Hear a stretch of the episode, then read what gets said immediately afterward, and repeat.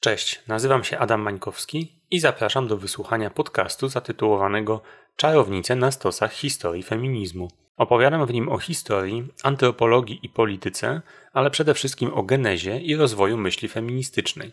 Jeżeli bliskie Ci są zagadnienia dotyczące mechanizmów wykluczania i marginalizacji kobiet w historii świata, to zapraszam do zaglądania tu regularnie.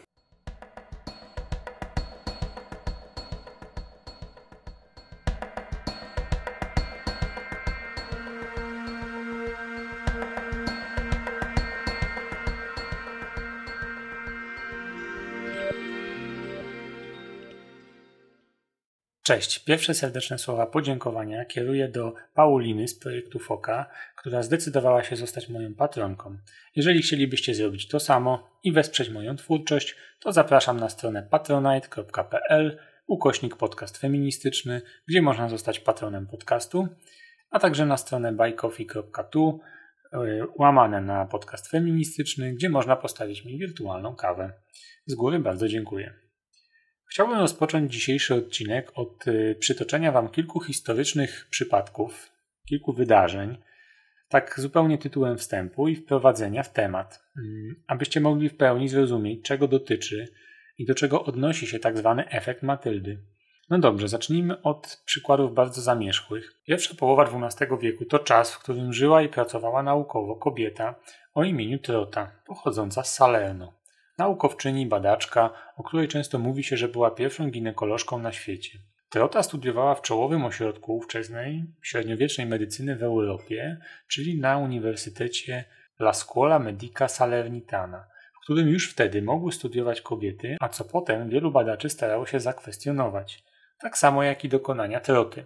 Badaczka prowadziła własną praktykę medyczną, a także nauczała przyszłych adeptów medycyny, głównie mężczyzn, którzy w tej dziedzinie oczywiście dominowali. Pisała też traktaty medyczne.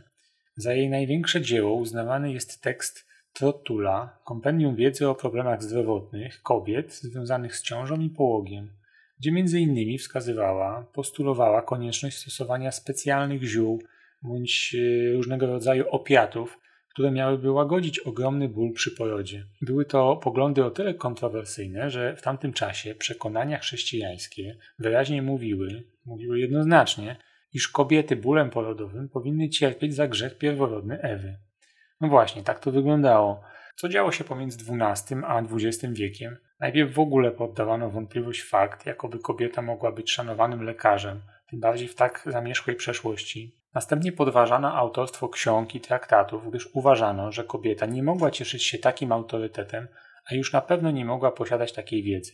Przez całe stulecia odbywały się procesy wymazywania tożsamości autorki. Doszło do tego, że gdy zbiór Trottula po raz pierwszy ukazał się drukiem w 1544 roku za sprawą lekarza George'a Krauta, tekst yy, przeredagowano i poddano w wątpliwość jego autorstwo.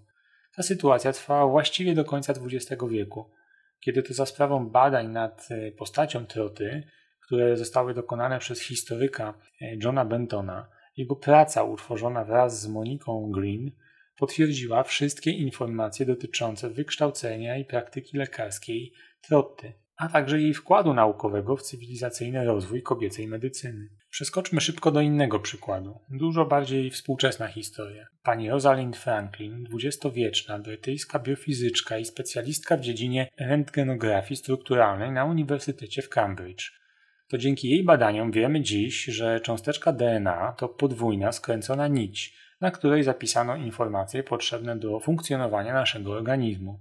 Dlaczego, gdy wygooglujemy sobie historię badań nad cząsteczką w pierwszych wyszukaniach i w pierwszich liniach wszelkich artykułów naukowych, znajdziemy niemal wyłącznie nazwiska naukowców mężczyzn, czyli e, Jamesa Watsona, Francisa Cricka oraz Mauricia Wilkinsa. Wszyscy wymienieni panowie pracowali nad badaniem struktury DNA, ale nie mieliby szans na Nagrodę Nobla w roku 1962, gdyby nie zdjęcia rentgenowskie wykonane wcześniej właśnie przez Franklin. Gdy oni święcili triumfy i przyjmowali kolejne wyróżnienia, Rosalind Franklin już nie żyła. Nie mogła bronić znaczenia swojego wkładu w opisane struktury DNA, nie mogła bronić swoich zdjęć, czyli jednego z najważniejszych odkryć naukowych w dziejach ludzkości. Absolutnie nie chodzi mi o to, aby teraz roztrząsać ważność poszczególnych wkładów w ten sukces ze względu na płeć, aby dociekać, że to czy inne działanie doprowadziło do przełomu. Oczywistym jest, że praca zarówno Franklin, jak i jej kolegów była istotna, że toczyła się równolegle, że była dokonaniem bezprecedensowym. To wszystko prawda. Chodzi mi o to, że wymienionym przeze mnie badaczom zabrakło przysłowiowych jaj i odwagi, aby powiedzieć, że to była praca zespołu i że istotnym elementem pracy tegoż zespołu były również dokonania kobiety.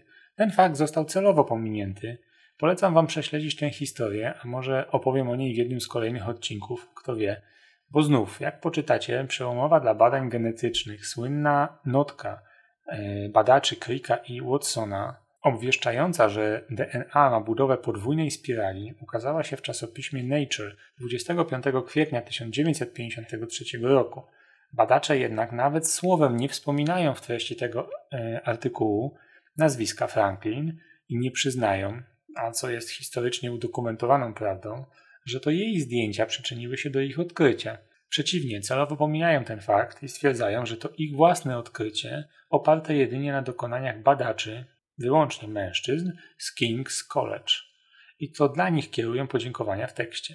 Wiemy, że pośmiertne nagrody Nobla nie były przyznawane zbyt często. Właściwie to w historii było tylko kilka wyjątków tak przyznanych nagród. Jednak pomijając już to wyróżnienie, historia mogła i powinna inaczej zapamiętać brytyjską badaczkę. Trudno tu oprzeć się wrażeniu, że fakt, iż Franklin była kobietą, odegrał istotną rolę.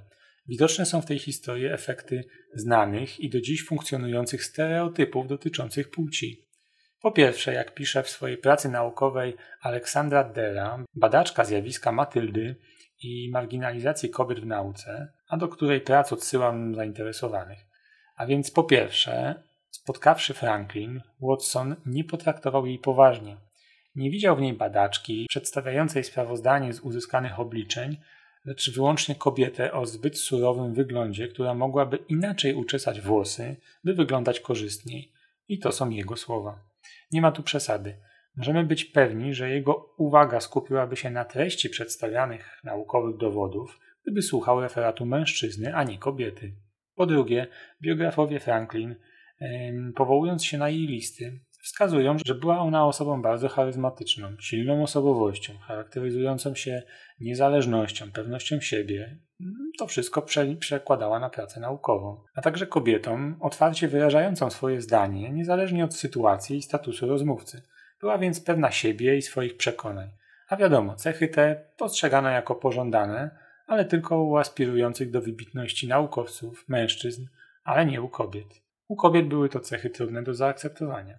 Warto wiedzieć, że praca naukowa i osiągnięcia to jedno, ale bez znajomości, bez przynależności do grupy czy grona wzajemnej adoracji, bez tego całego uczestnictwa w męskim świecie konferencji, bankietów, sympozjów itd., tak przebicie się ze swoimi dokonaniami do szerszej opinii publicznej było wówczas niezwykle trudne, albo wręcz niemożliwe. Franklin zabrakło takich zależności, które mogłyby jej pozycję jako naukowczyni ustabilizować. Sposób, w jaki wypowiadała się na tematy naukowe, czyli z pewnością siebie, ze stanowczością. Do tego jej brak zainteresowania flirtowaniem, bywaniem w towarzystwie i de facto sprowadzaniem samej siebie do roli towarzyskiej atrakcji, czy dodatku do dania głównego, oczywiście odbierano jako wyniosłość. I oczywiście łatwość, z jaką polemizowała i odpierała argumenty, sprawiała, że pozostawała na uboczu współczesnej jej społeczności badaczy. W późniejszej działalności noblistów Także wiele zachowań i decyzji zasługuje na krytykę. Publikowali oni artykuły, wypowiadali się w wywiadach i oczywiście publikowali książki, gdzie owszem, zdarzało im się o Franklin wspominać, ale zawsze była to perspektywa umniejszająca. Troszkę się rozgadałem, ale to przypadek wyjątkowo wyrazisty. Może dlatego, że jest bliższy nam, nie tak odległy w czasie. Tego typu podobnych zdarzeń i sytuacji w historii jest oczywiście całe mnóstwo. Warto je poznać, warto o nich czytać. Jedynie skrótowo zaznaczę Wam jeszcze kilka podobnych sytuacji. Zacznijmy może od y, tego. Początki XX wieku Karen Horney, niemiecka psychoanalityczka, została wyrzucona z Nowojorskiego Instytutu Psychoanalizy, gdy sprzeciwiała się sposobowi, w jaki psychoanaliza dyskryminowała kobiety, sprowadzając ich role społeczne do pracy w domu. Idźmy dalej. Mm, Cecilia Payne-Gaposzkin, To również wiek XX, brytyjsko-amerykańska badaczka, która na podstawie własnych obserwacji założyła, że głównym pierwiastkiem wchodzącym w skład gwiazd jest wodór.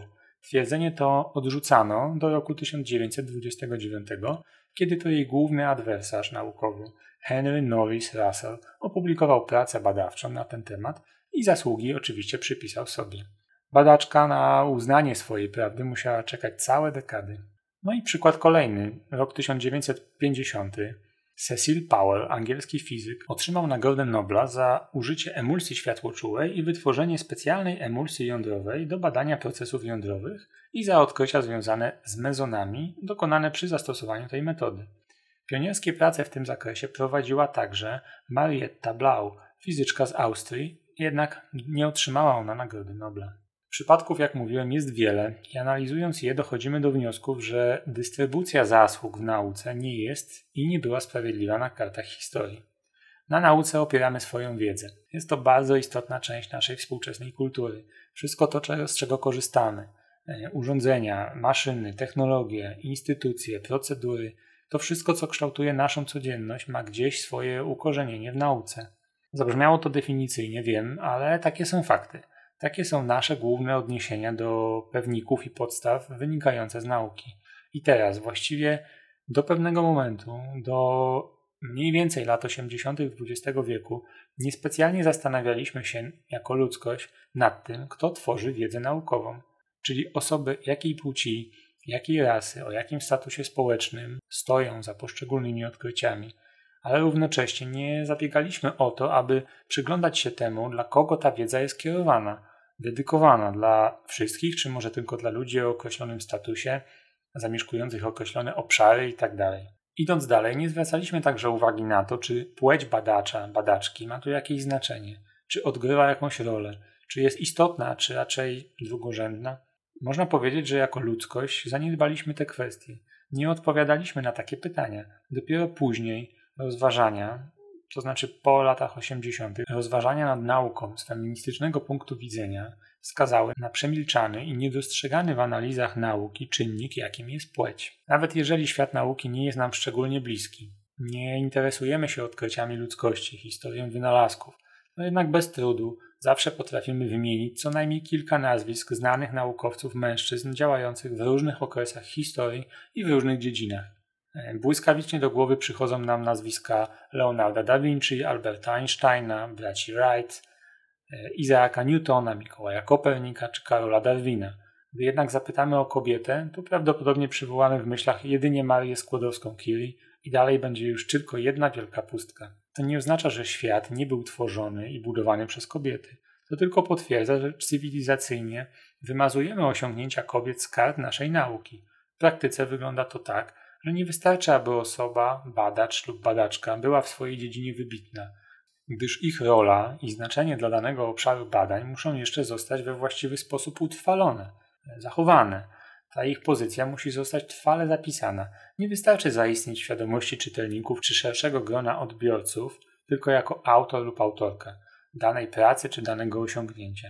Trzeba także być cytowanym lub cytowaną oraz pojawiać się w słownikach, podręcznikach, nazwach centrów badawczych, określeniach obliczeń, wzorów, reguł itd. Tak Potrzebna jest cała ta machina, cały ten system zapamiętywania poprzez podkreślanie osiągnięć. Dlatego właśnie słyszeliśmy i bez trudu rozpoznajemy laureatów Nagrody Nobla e, George'a Whipla, George'a Warda, Jeroma Carla, ale już nie wiemy kim jest Frida Robscheid Robbins, Ruth Hubbard czy Isabel Carl.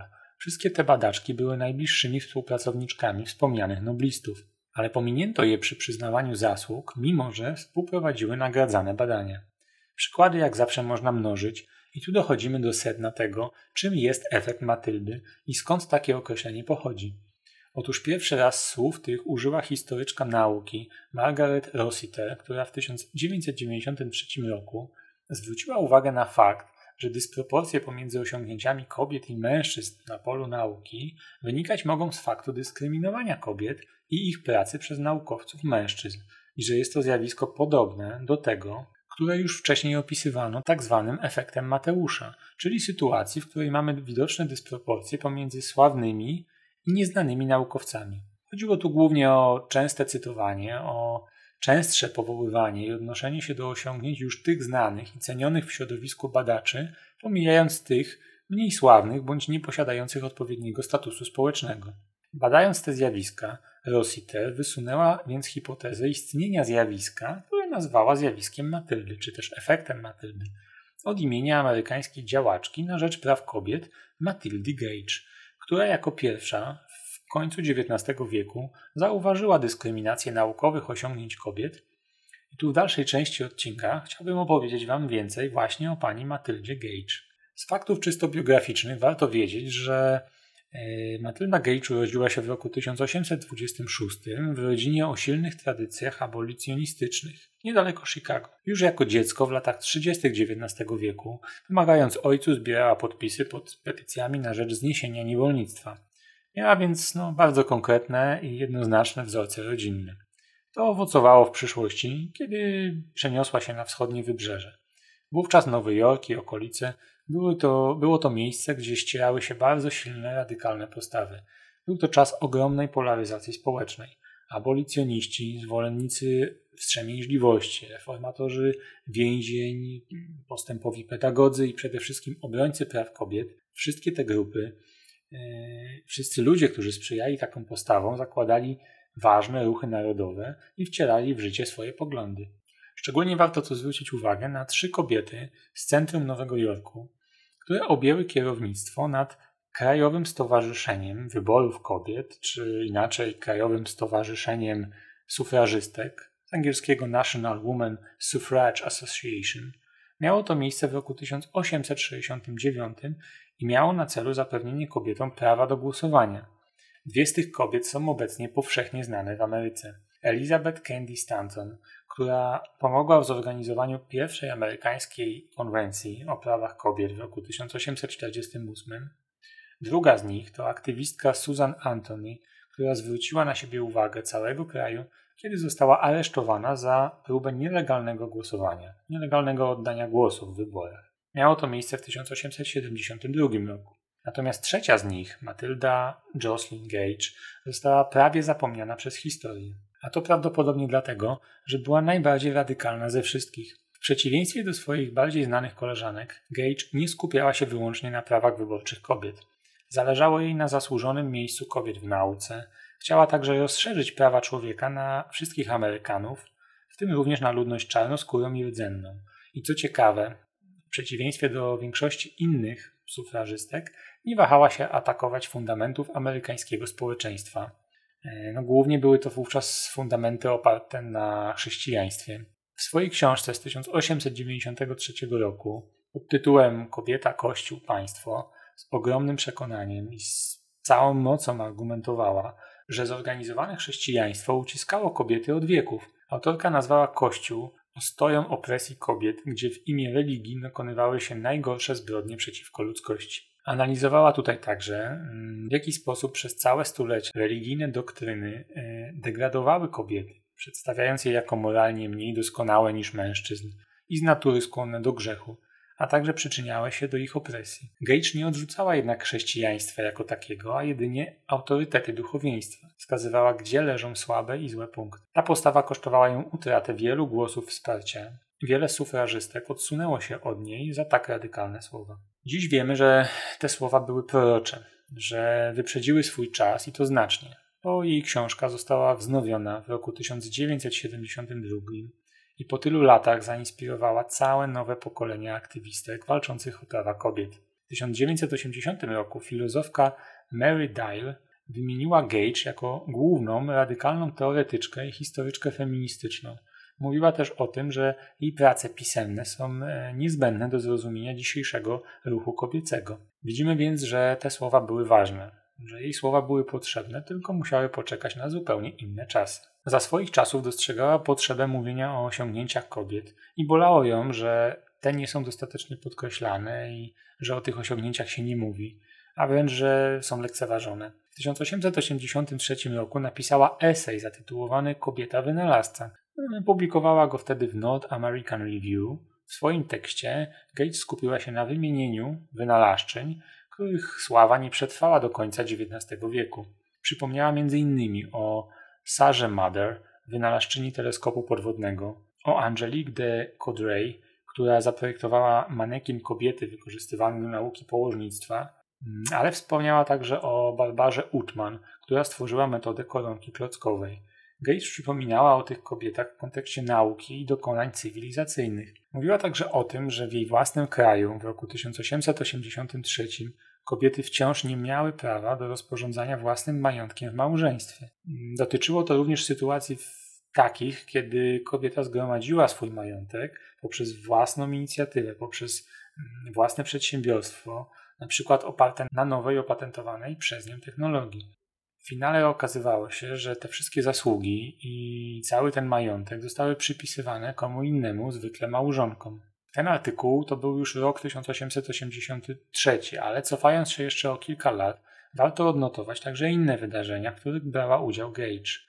Działając w imieniu Kobiecego Stowarzyszenia Wyborczego, w 1876 roku wraz z Elizabeth Stanton wspólnie stworzyły Deklarację Praw Kobiet i kilka artykułów mających być podstawą impeachmentu przeciwko rządowi Stanów Zjednoczonych. Obie kobiety argumentowały, że rząd na wiele sposobów narusza Konstytucję Stanów Zjednoczonych. Na przykład odmawiając kobietom prawa wyborczego, a także prawa do zasiadania w ławach przysięgłych, złożonych wówczas tylko z mężczyzn. Mieliśmy więc sytuację, gdzie w każdej sprawie i przeciwko, i w obronie kobiet i mężczyzn decydowali i oskarżali tylko mężczyźni. Z pewnością nie da się odmówić Matyldzie Gage także ogromnej odwagi. Podczas jednego z ważnych państwowych obchodów w przestrzeni miejskiej wraz z Susan Anthony i niewielką grupą innych aktywistek e, wdarła się na mównicę i wygłosiła, czy też współwygłosiła oświadczenie, które dotarło bezpośrednio do uszu ówczesnego wiceprezydenta USA Williama Willera. Podobnych aktów społecznego sprzeciwu miała na swoim koncie znacznie więcej. W 1886 roku wypłynęła na barce z megafonem w okolice portu w Nowym Jorku i głośno krzyczała, aby zaprotestować przeciwko poświęceniu statuły wolności. Akt poświęcenia kobiecego symbolu wolności, który przygotowywała ówczesna władza, uważała za wielkie kłamstwo i kpinę w sytuacji, kiedy kobiety tego wyborczego głosu nie miały. Te przedsięwzięcia, te wszystkie dokonania zwróciły uwagę na sprawę wyborczą kobiet w przestrzeni publicznej, a deklaracja spisana przez kobiety wywołała argumenty, uwypukliła te argumenty, które ostatecznie doprowadziły do zwycięstwa kobiet w roku 1920, kiedy to do Konstytucji Stanów Zjednoczonych wpisano poprawkę przyznającą prawa wyborcze kobietom. Niestety tego czasu Gage już nie doczekała. Z przedstawionych przykładów i rozważań wyłania się dość pesymistyczny obraz, jest tak, że świadomie lub nieświadomie wciąż powielamy pewne zachowania i godzimy się na to, aby nauka i technika miała w większej części twarz męską. Efekt Matyldy stał się obecnie przedmiotem wnikliwych analiz feministycznych. Mówienie o tych analizach i badaniach jest dzisiaj sztandarowym przykładem zastosowania w praktyce mm, idei, którą możemy nazwać przywracaniem kobiet do historii, czy przywracaniem kobiet do historii nauki. Jeszcze nigdy wcześniej nie wiedzieliśmy tak wiele i nie obnażaliśmy tym samym tak wielu mechanizmów, które wykluczają kobiety w świecie nauki. To wykluczenie y, polega na pomijaniu i umniejszaniu zasług kobiet, ale również przypisywaniu zasług naukowczyń mężczyznom, czy preferowaniu męskich naukowców w procesie recenzyjnym prac naukowych, w cytowaniu w większej mierze prac mężczyzn, czy faworyzowaniu udziału mężczyzn naukowców w mediach i toczących się debatach społecznych. Spójrzmy jeszcze na statystyki. One nie kłamią i pokazują to dobitnie. Odniosę się tu do badań przeprowadzonych w Luksemburgu, a odnoszących się do całej Unii Europejskiej. W roku 2010 kobiety stanowiły 46% ogólnej liczby osób uzyskujących stopień doktora. Tu, jak widzimy, proporcja bliska jest parytetu i nie wygląda to tak źle. Jednak te dysproporcje pomiędzy liczbą kobiet i mężczyzn stają się dużo bardziej znaczące i widoczne, kiedy przyglądamy się ścieżką kariery naukowej po doktoracie. Odsetek kobiet na najwyższych stanowiskach w uniwersytetach i ośrodkach badawczych był w roku 2010 najwyższy. W humanistyce 28,4% oraz w naukach społecznych 19,4%. W naukach inżynieryjnych i technicznych było to zaledwie 7,9%. Uniwersytety i ośrodki badawcze są kierowane i zarządzane przez mężczyzn. W Unii Europejskiej kobiety kierują średnio niespełna 16% instytucji edukacji wyższej, w tym zaledwie 10% stanowią uniwersytety. Liczby zasmucają i wydaje się, że ze względu na wspomniane przeze mnie różnego rodzaju uprzedzenia i zniekształcenia obrazu zasług kobiet w nauce, w historii, do zmiany wielu niesprawiedliwych mechanizmów nie wystarczy sama aktywność pojedynczych osób, naukowczyń czy badaczek. Owszem, te osoby mogą być bardzo świadome opisywanych nierówności i dążą do ich wyeliminowania, ale to za mało. Potrzebne jest systemowe wspieranie kobiet, docenianie ich badań, wyrażanie podziwu dla ich działalności i najważniejsze to zachęcanie młodych badaczek do uprawiania nauki. Podsumowując więc dokonania Matyldy Gage i opisanego przez historyczkę Rossiter zjawiska Matyldy, warto propagować i wspierać oddolne kobiece ruchy na rzecz zmian w świecie nauki, obszarach aktywności uniwersyteckiej chociażby. Warto zorientować się i sprawdzić, czy w naszym najbliższym otoczeniu są działaczki, aktywistki, organizacje pozarządowe, które w swoich statutach mają takie postulaty i które walczą o prawa kobiet w tym zakresie. To wszystko, co przygotowałem dla Was na dziś. Dziękuję za uwagę i do usłyszenia w kolejnym odcinku podcastu.